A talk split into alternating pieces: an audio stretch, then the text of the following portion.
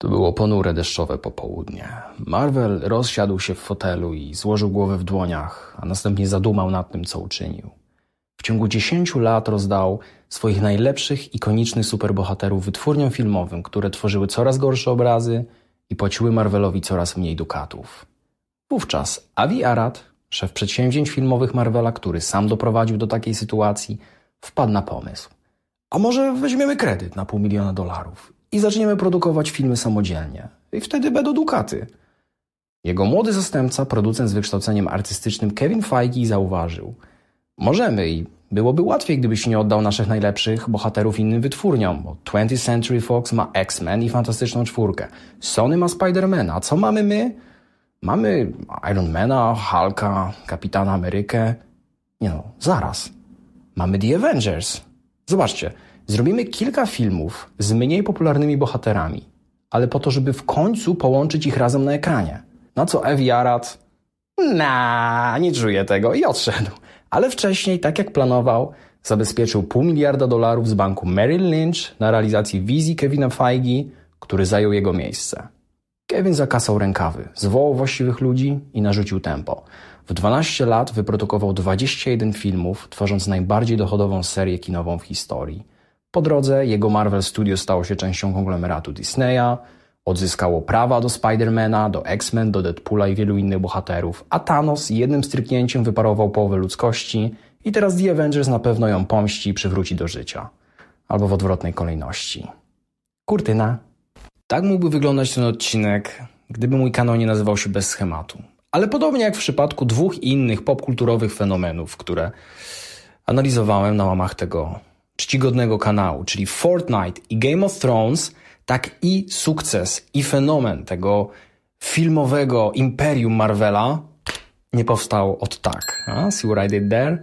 To efekt przemyślanych, e, dobrych i podjętych we właściwym momencie decyzji kreatywnych, spójnej wizji i masy talentu, który jednak został dobrze ulokowany. I teraz wiem, ja, ja to wiem, że pojawi się jedna osoba, albo przynajmniej pierwsza osoba, która zostawi komentarz krytyczny i powie: A gdzie pieniądze?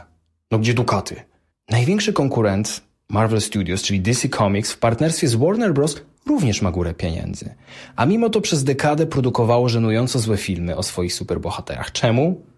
Bo jeżeli brakuje konkretnej wizji, jeżeli podejmuje się złe decyzje twórcze i jeżeli nie potrafi się właściwie wykorzystać talentu artystycznego, który ma się do swojej dyspozycji, to żadne pieniądze świata nie zagwarantują sukcesu, ani artystycznego, ani komercyjnego.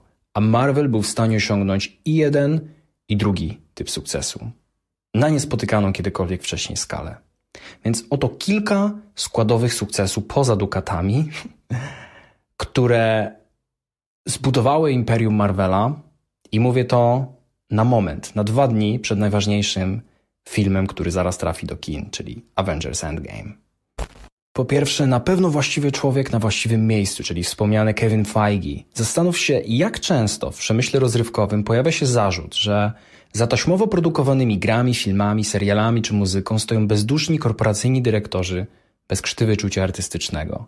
Kevin Feige jest ich przeciwieństwem. Jest po szkole filmowej, kocha komiksy i superbohaterów Marvela od dziecka i cechuje go z braku lepszego słowa wrażliwość nerda, to znaczy autentycznie jara się tymi postaciami i historiami tak jak ja. Dlatego szanują go i fani, i twórcy komiksów, i filmów, i, co równie ważne, szechy z Disneya, które dają mu wystarczająco swobody, żeby robił dobrą robotę. 2. Shared Universe. Zanim ktoś znowu posądzi mnie o to, że nadużywam angielskiego, spróbuję to z wysiłkiem przetłumaczyć. Uwaga, współdzielony świat przedstawiony. To jest dyskusyjnie najważniejsza składowa sukcesu Marvela. To, że wszystkie ich filmy dzieją się w jednym uniwersum, wydarzenia są ze sobą jakkolwiek powiązane, a bohaterowie częściej bądź rzadziej na siebie natrafiają. I przedtem nikt tego nie zrobił w taki sposób, a Feige miał doskonałą intuicję i całościową wizję, bo Wiedział, że mając do dyspozycji mniej atrakcyjnych dla szerokiej publiczności superbohaterów niż przykład Spider-Man, trzeba robić tak zwane crossovery i duże wydarzenia, zupełnie jak robią to komiksy. Ludzi mało interesuje Black Widow, Nick Fury czy Falcon, ale chętnie zobaczą ich w filmach o Iron Manie czy Kapitanie Ameryce jako bonus. I może nie pójdą tłumami na samodzielny film o Ant-Manie czy Doktorze Strange, ale kiedy zobaczą ich w jednym kadrze i w jednym filmie z Kapitanem Ameryką czy Iron Manem zacznie się robić ciekawie. Dlatego Feige dobrał swoje karty tak, żeby na koniec każdej serii solowych filmów superbohaterskich móc rozegrać pokera, czyli zebrać ich wszystkich w kolejnych częściach The Avengers. I nie pomylił się, bo w ten sposób mniej ciekawi bohaterowie wybijają się dzięki dynamicznej relacji z innymi, a filmy ze znaczkiem The Avengers stanowią czołówkę najbardziej dochodowych filmów Marvela. Jednocześnie ta tkanka wiążąca nie jest aż tak widoczna, to raczej hmm, delikatna niteczka, która przeplata wszystkie filmy, jedne bardziej, inne mniej. Jak mówi sam Feige, każdy film musi bronić się jako samodzielne dzieło, każdy musi mieć swój unikalny ton i świeżą wizję. A to, że łączy się je z innymi, jest tylko miłym dodatkiem. I tu wchodzi to, co ja nazywam złotą formułą Marvela. Feige i jego ludzie z Marvel Studios mają generalną wizję, pełny obraz w postaci The Avengers oraz jego elementy, takie okruszki, które trzeba porozrzucać w poszczególnych filmach. A to, że Nick Fury musi zaprosić Ironmana do The Avengers i wtedy też ma zadebiutować Black Widow, a to, że Hawkeye ma na moment błysnąć w torze, czy gdzieś w liniach fabularnych na moment muszą błysnąć też Infinity Stones, które następnie trafią do rękawicy Thanosa. Ale już to, o czym będzie sam film, jaki będzie jego ton, jak zaprezentowany zostanie bohater, o tym już decydują właściwi twórcy, czyli scenarzyści i reżyserzy, którzy mają wnieść do tej układanki swoją wizję. To jest niezwykle ważne. Jak mówi Feige, nie musisz być wielkim reżyserem, który zrobił blockbuster stulecia, żeby zrobić z nami blockbuster stulecia. Wystarczy, że zrobiłeś jeden nieprzeciętnie dobry obraz.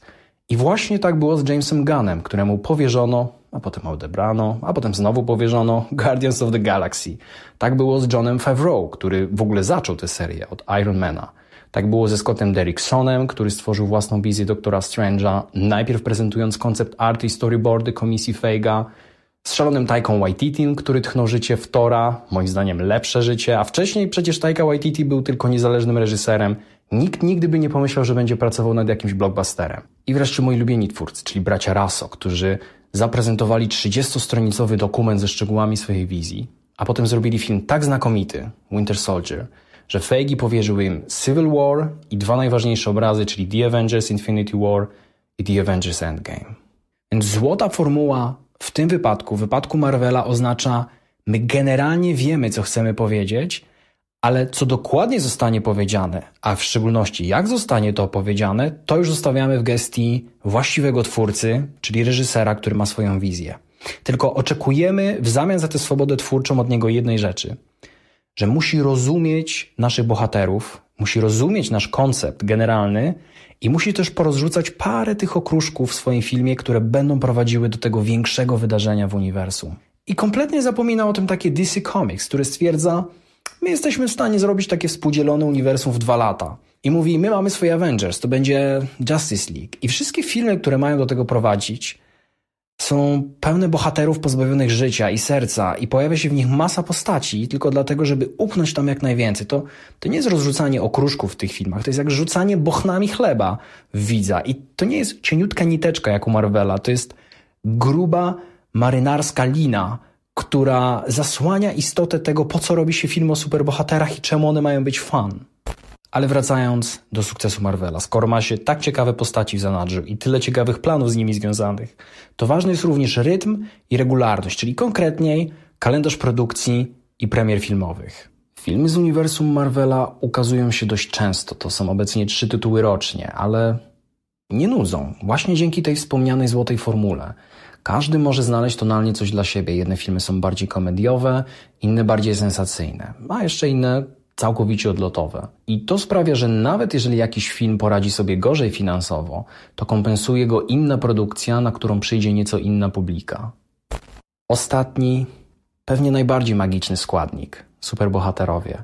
Bo gdyby nie te postaci z amerykańskiego panteonu bogów, którym formy nadał Stanley, w ogóle nie mówilibyśmy, że to Marvel. W przeszłości wiele wytwórni dysponujących licencjami zwyczajnie bezcześciło te popkulturowe ikony. Samo Marvel Studios jak dotąd nie popełniło tego błędu, bo każdy bohater i każda bohaterka obsadzona jest bezbłędnie, no może z wyjątkiem Captain Marvel.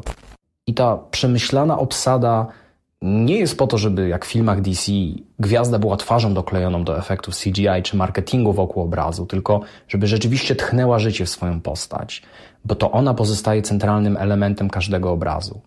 A dzięki temu, że to jest całe kinowe uniwersum, to bohaterowie mają bardzo dużo przestrzeni, żeby ewoluować. I widać, że twórcy mają dla nich jakiś plan, widać, że chcą coś z nimi zrobić.